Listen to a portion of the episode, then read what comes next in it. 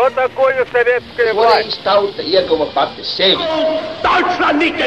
Liktenīgas nejaušības un slēptas likumsakarības, subjektīvas patiesības un objektīvi aizspriedumi. Pēc atkušņa nekad nenāk uzreiz pavasars, bet sākās Arī šodien cilvēki ir ļoti tūredzīgi. Viņi redz to naudu, kas ir. Televīzijā jau pamatā notiek cīņa par varu. Pagātne no šodienas skatu punkta un šodienas caur pagātnes prizmu. Raidījumā šīs dienas acīm. Katru svētdienu Latvijas radio eterā Eduards Liniņš.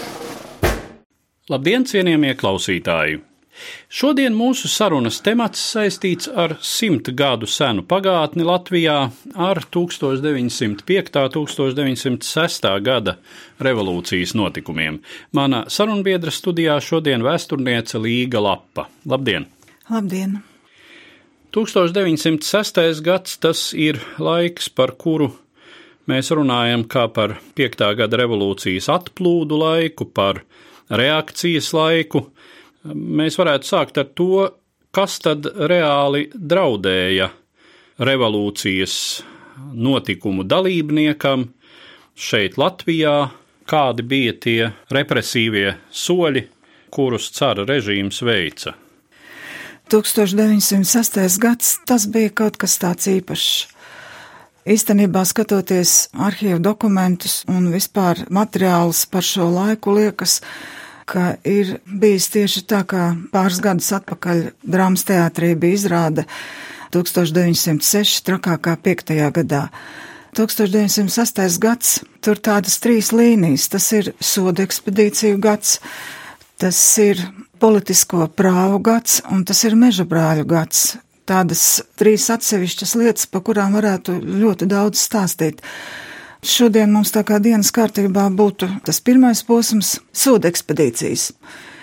Nu, soda ekspedīcijas tas ir 5. gada decembris jau, un tie sagatavošanas darbi sākās jau 5. gada novembra otrajā pusē, un ar tādu laika distanci ir diezgan tā interesanti skatīties, ka tad, kad Federatīvā komiteja 1905. gada 11. decembrī izdeva tādu slavenu proklamāciju, kurā aicināja cīnīties līdz galam uz bruņoto sacelšanos, atbalstīt Krievijas tautu un nepadoties un meklēt ieročus.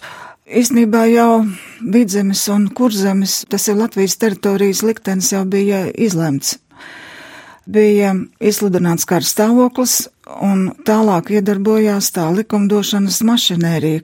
Tika izveidota Baltijas pagaidu ģenerālgubernatūra, tika iecelts tās priekšnieks, Tālāk visa civilā vara tika pakļauta kara iestādēm, tātad attiecīgi no apriņķu kara priekšniekiem uz kara apgabalu priekšniekiem, nu, un, kā saka, visu priekšgalā bija tas Baltijas pagaidu ģenerālgubernators, kura rokās sakoncentrējās visa civilā un militārā vara pirmo iecēla tādu Vasiliju Sologubu. Viņam 1905. gadā bija 57 gadi, viņš bija neprecējies, materiāli labi nodrošināts, no možniekiem cēlies. Viņš šeit bija no 5. gada novembra līdz 6. gada oktobrim, kad viņu nomainīja nākošais Melers Zakomeļskis. Padomu historiografijā pa viņu ir apsūdzības izvirzītas, bet jāsaka, ka viņš bija viens no tiem retajiem, kas mēģināja šajā teritorijā, nu, kaut kādu zināmu kārtību ieviest. Kaut gan viņš Latvijā ieradās tikai 6. gada pašā sākumā, 3. janvārī. Bet pirms soda ekspedīcijas ierašanās vēl vajadzētu nedaudz par tiem cēloņiem. Kā iemesls es varētu trīs minēt. Pirmkārt, jau Baltijas mužniecības diezgan tādi izmisīgi lūgumi palīdzēt, kas tika uz Pēterburgu raidīti gan oficiālā, gan neoficiālā kārtībā, uz valdības aprindām, uz uh, galma aprindām, un kas bija tomēr to savu rezultātu sasnieguši.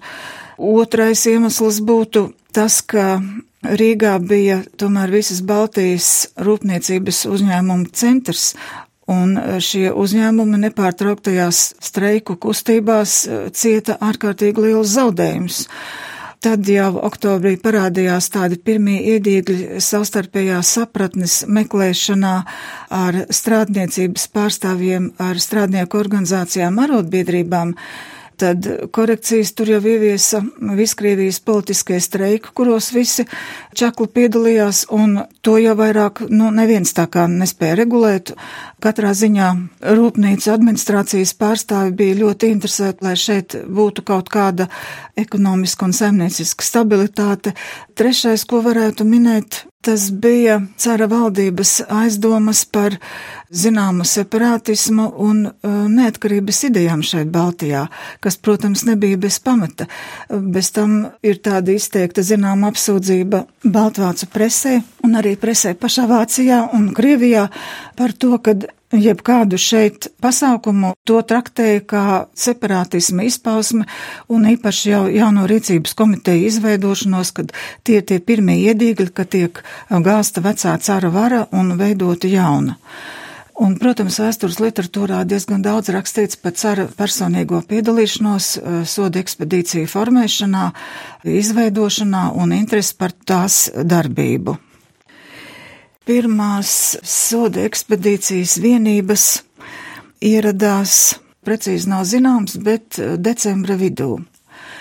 Pēc vēsturnieku aprēķiniem ieradās apmēram 1400 līdz 1700 regulārā karaspēka karavīri ar labu bruņojumu. Bet, manuprāt, šeit nav vērā ņemts tas, ka Latvijas teritorijā līdz tam jau bija diezgan daudz karaspēka vienības. 180. Vēnspils, 177. Izborskas, 116. Malo Jaroslavļas, 115. Jāzmas, 114. Novatorskas, 109. Volgas kājnieku pulki, tātad septiņi, tad 93. Irkutskas kazaku pulks, 28. Donas kazaku pulks, 9. Jeļizavetogrādas, 8. Smoļenskas, 4. Pleskavas dragūnu pulki, Un tie, protams, arī nav visi, tā kā šie skaitļi, acīm redzot, ir krietni, krietni lielāki.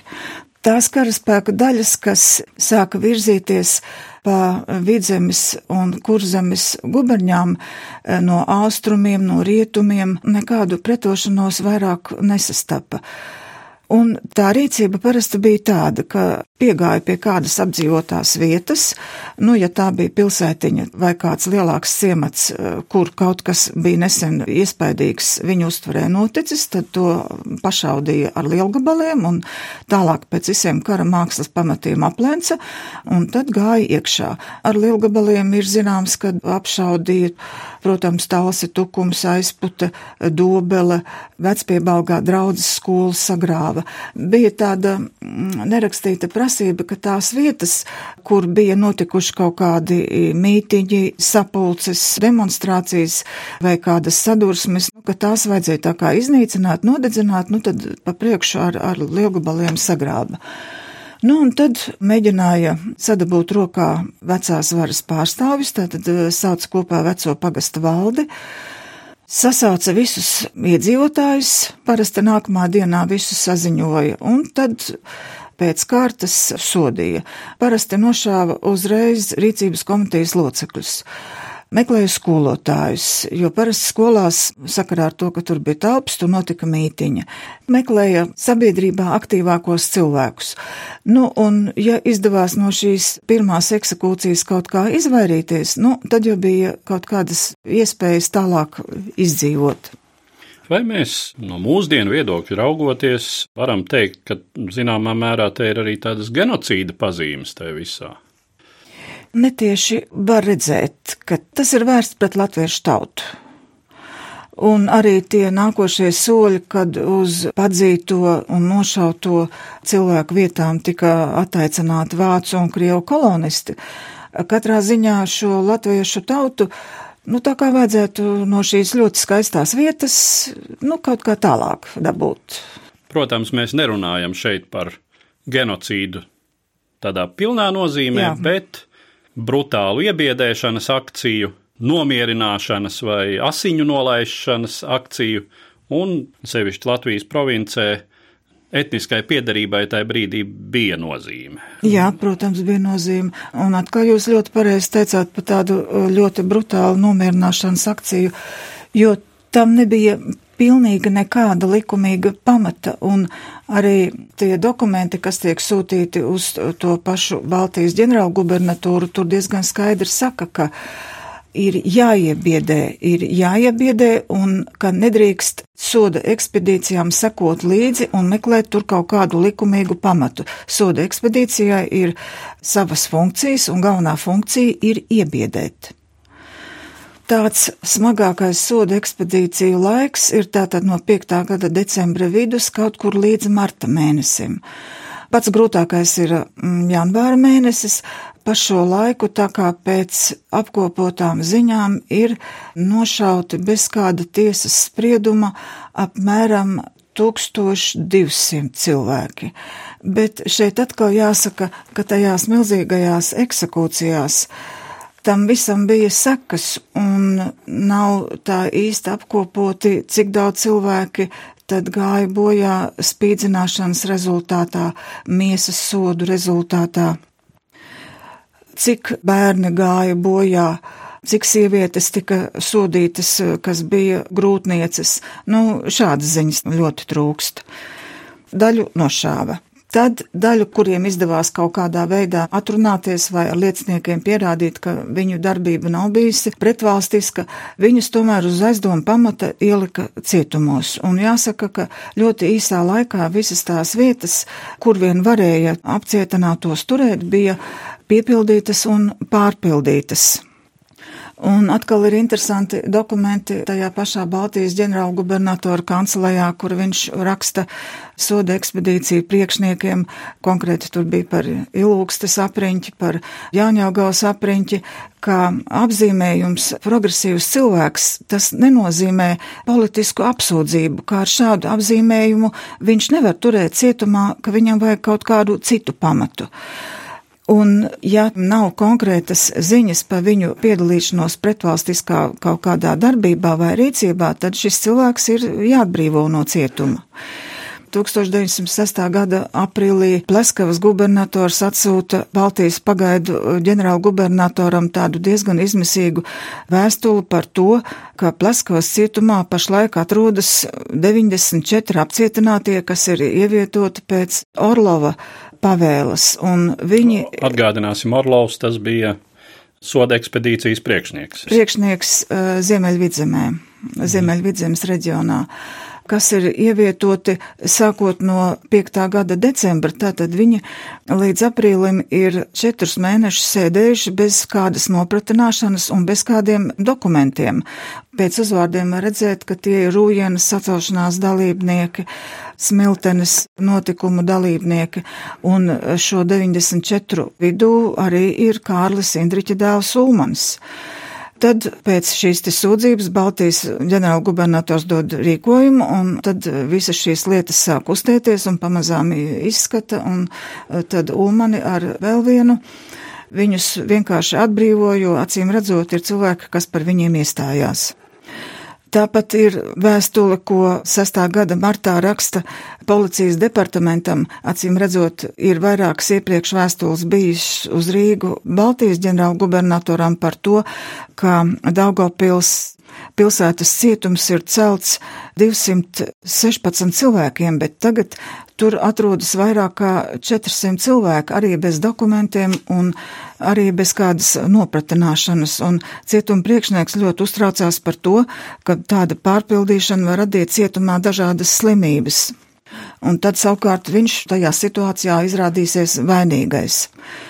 No tā paša cietuma un arī no citiem cietumiem nepārtraukti plūda sūdzību plūsma par to, ka cilvēki tiešām daudzus mēnešus tika turēti bez nopratināšanas un bez apsūdzības uzrādīšanas.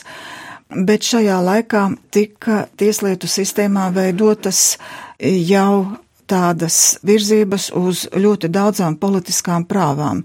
Un viens no iemesliem, kāpēc šie cilvēki tika turēti cietumos, bija pirmkārt, nu, ka tas birokrātiskais aparāts bija pārāk mazs, lai varētu šīs lietas uzreiz izskatīt. Un otrkārt, ja cilvēks ir attiecīgi tik ilgi nosēdējis cietumā bez tādas eh, pienācīgas iztikas līdzekļu nodrošināšanas un nāk pavasars, nāk pavasara darbi, šie cilvēki, protams, tajās nopratināšanās varētu būt, nu, tādi uh, daudz runīgāki. Un, ja ir viens no nopratināšanu galvenajiem jautājumiem, kas vēl piedalījās, ko tu vēl vari nosaukt, tad šī varbūt bija tā svira, ka šos cilvēkus piespiest uh, vairāk runāt un vairāk vēl kādu nosaukt, jo tomēr šo politisko prāvu uzsvars bija uz masveidību, nu, ka te tik ļoti daudz piedalījās, tik ļoti daudz ir jāsoda. Runājot par soda ekspedīcijām, gribas atzīmēt tādu lietu, ka šajā laikā ļoti noformējās un tā plaši tika pielietota ķilnieku institūcija. Tik ļoti plaši no valsts varas orgānu puses pielietot, ka vienkārši tas jau bija tāds arī instruments, kā cilvēks piespiest runāt.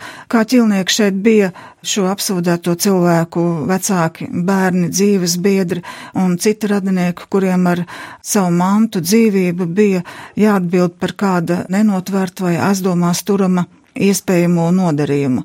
Kā tādu klasisku piemēru var teikt, ka 6. gada augustā drustos publiski tika izpildīts nāvsots trijiem ķīlniekiem par to, ka pagastā diezgan muļķīga apstākļu dēļ tika nošauts uh, uradņiks pie baznīcas. Tā kā tie pagasta iedzīvotāji neizdeva vainīgo, ko viņi, protams, nezināja, tas bija no cita pagasta, tad tika no pūļa izrauti trīs cilvēki un visu acu priekšā nošauti.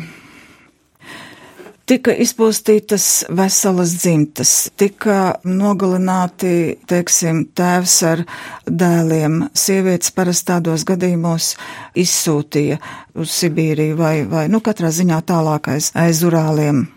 Tika dedzinātas mājas, Kopumā šeit arī noteikti vajadzētu šo lietu tuvāk papētīt vēstures literatūrā skaitās apmēram 300 mājas nodedzināts, bet arī bija tāda interesanta lieta, ka parasti kaut kā tās mājas, kas tika dedzinātas, viņas jau bija pamatā izpirktas.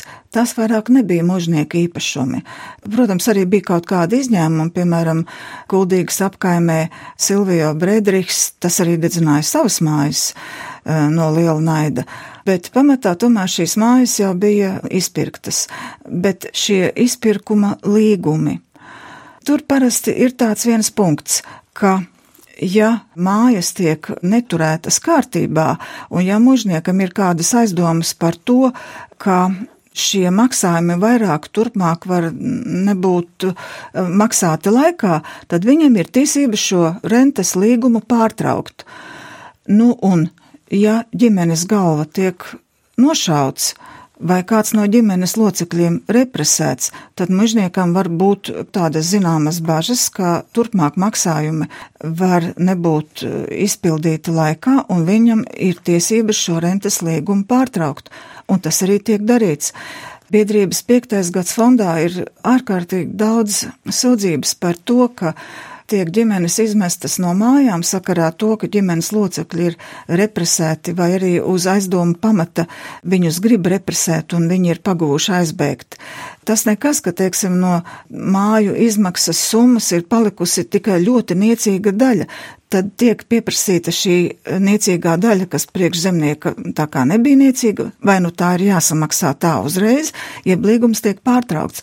Un tad, ja līgums ir pārtraukts, tad atkal šīs mājas ir izdevīgi pārdot kā no jauna, jo tās pilnīgi ir pārgājušas mužnieku rīcībā.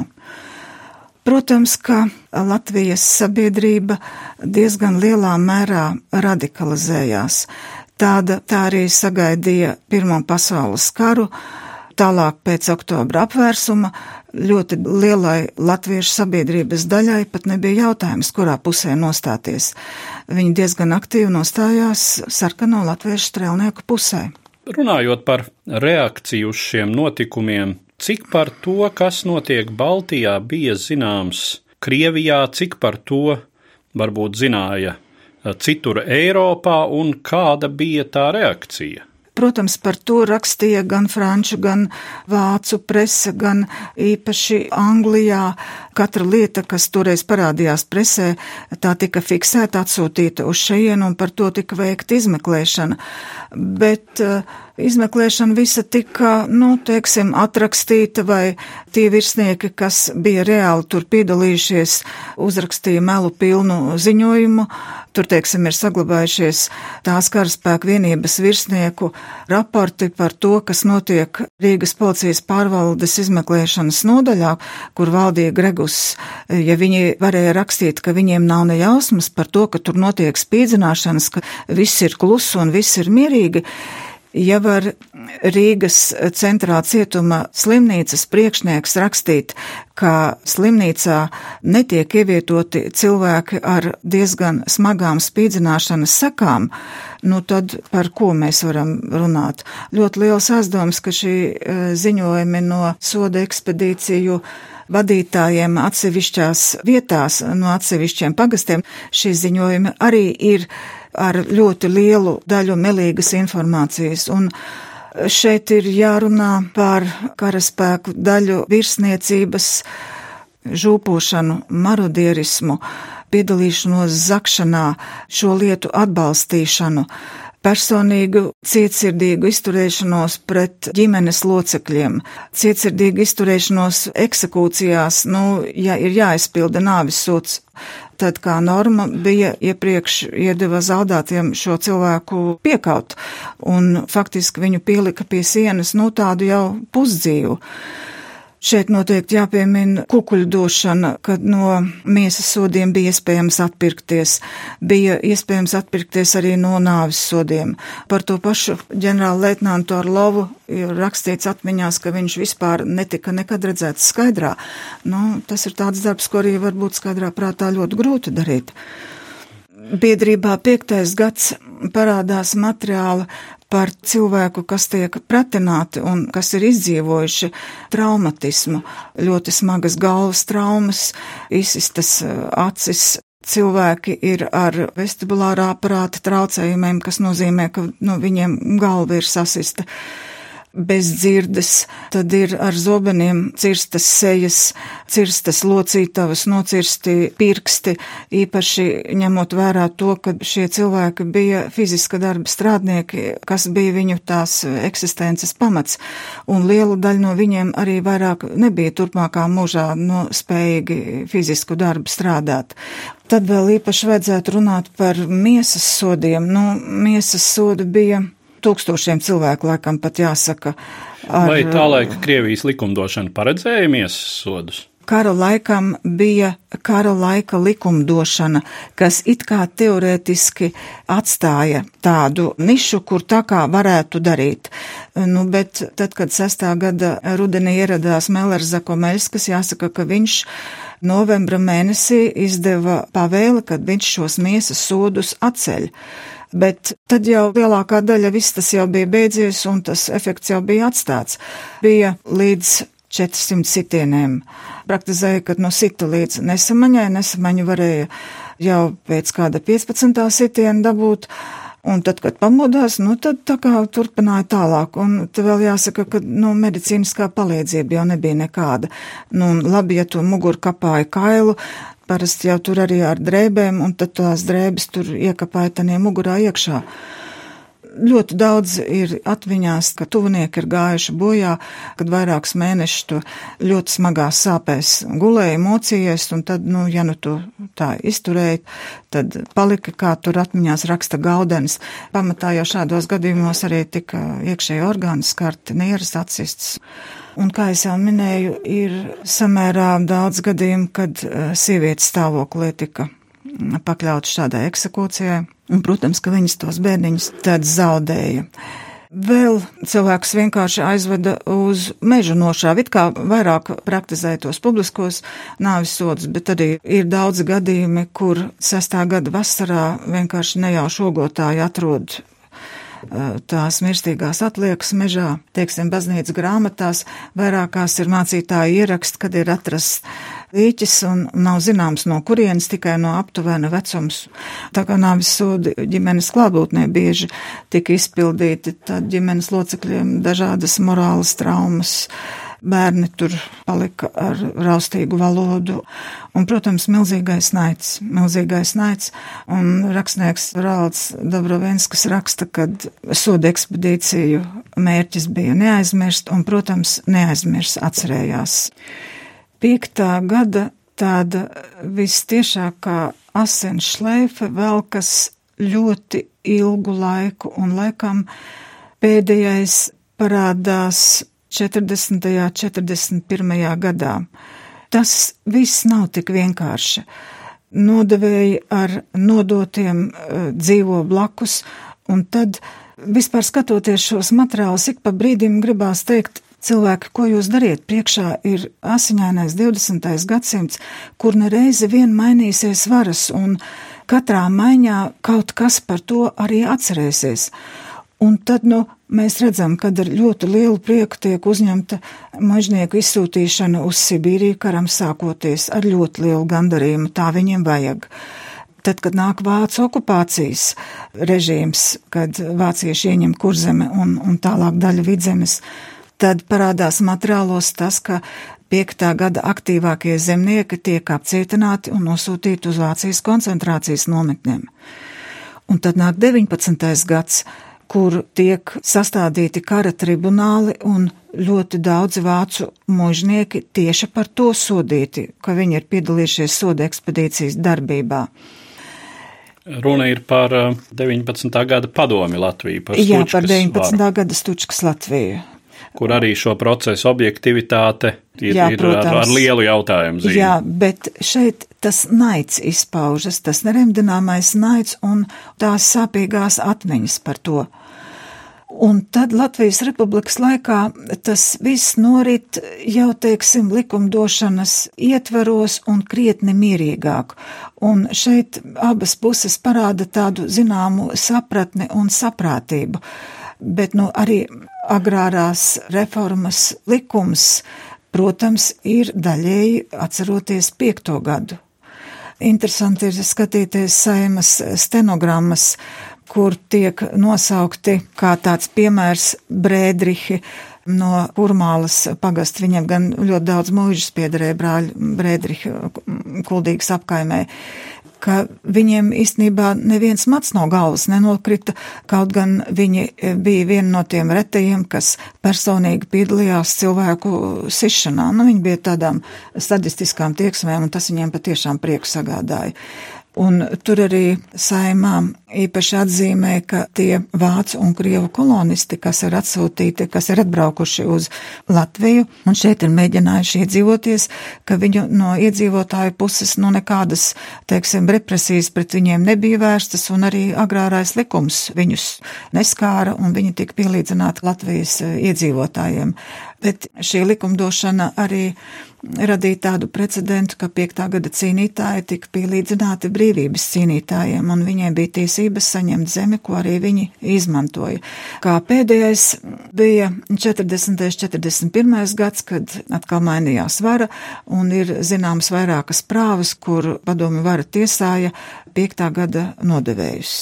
Ja mēs um, paskatāmies uz Latviju pārējās Krievijas impērijas kontekstā, Cik um, unikāla ir šī Latvijas represiju situācija, vai kaut kas līdzīgs notiek um, arī kādos citos Krievijas rajonos? Krievijas vēstures pētniecībā varbūt piektam gadam ir pievērsta tāda mazāka nozīme. Jāsaka, ka tā laika gan latviešu prese, gan sociāldemokrātijas vadītāji Krievijas notikumus krietni pārvērtēja. Uz visu lielo Krievijas fonu atsevišķi notikumi kaut kādos rajona apriņķa centros, tas varbūt mums radīja tādu priekšstatu, ka visa lielā Krievija ir sacālusies un nu tik būs, un, un tagad Krievijā mainīsies vara, tiks gāsts cars, bet skatoties šos materiālus un arī, teiksim, pēdējie pētījumi liecina, ka Maskavas bruņotā sacelšanās vispār nebija sagatavota un norita tā diezgan uh, smieklīgi pat. Šeit viss tas tā notika krietni aktīvāk. ar skatu uz Rietumu Eiropu, uz tiem sasniegumiem, kas tur bija, un ar domu, ka no šeit arī varētu kādreiz kaut kas tam līdzīgs būt. Tas jau iezīmējās jūsu iepriekš stāstītajā, ka visa pasaule asiņaino 20. gadsimtu sāk ar 1914. gadu ar Pirmo pasaules karu, tad šķiet, ka Latvija to ir iesākusi vienkārši mazliet agrāk. Jā, protams, tur jums varētu pilnīgi piekrist. Un Pirmais pasaules karš, tas bija šīs piektā gada paudzes nobriešanas, vīrišķības laiks, un tālāk tad sekoja visi tie notikumi, kas gal galā vainagojās ar neatkarīgas Latvijas valsts izveidošanos. Ar to mēs arī noslēdzam mūsu šodienas sarunu, kas bija veltīta situācijai Latvijā 1906. gadā, cara varas represijām pret 1905. gada revolūcijas aktīvistiem un Latvijas iedzīvotājiem kopumā, un es saku paldies manai sarunbiedrei, vēsturniecei Līgai Lapai. Lūdzu! Katru svētdienu Latvijas radio viens par pagātni sarunājas Eduards Līniņš.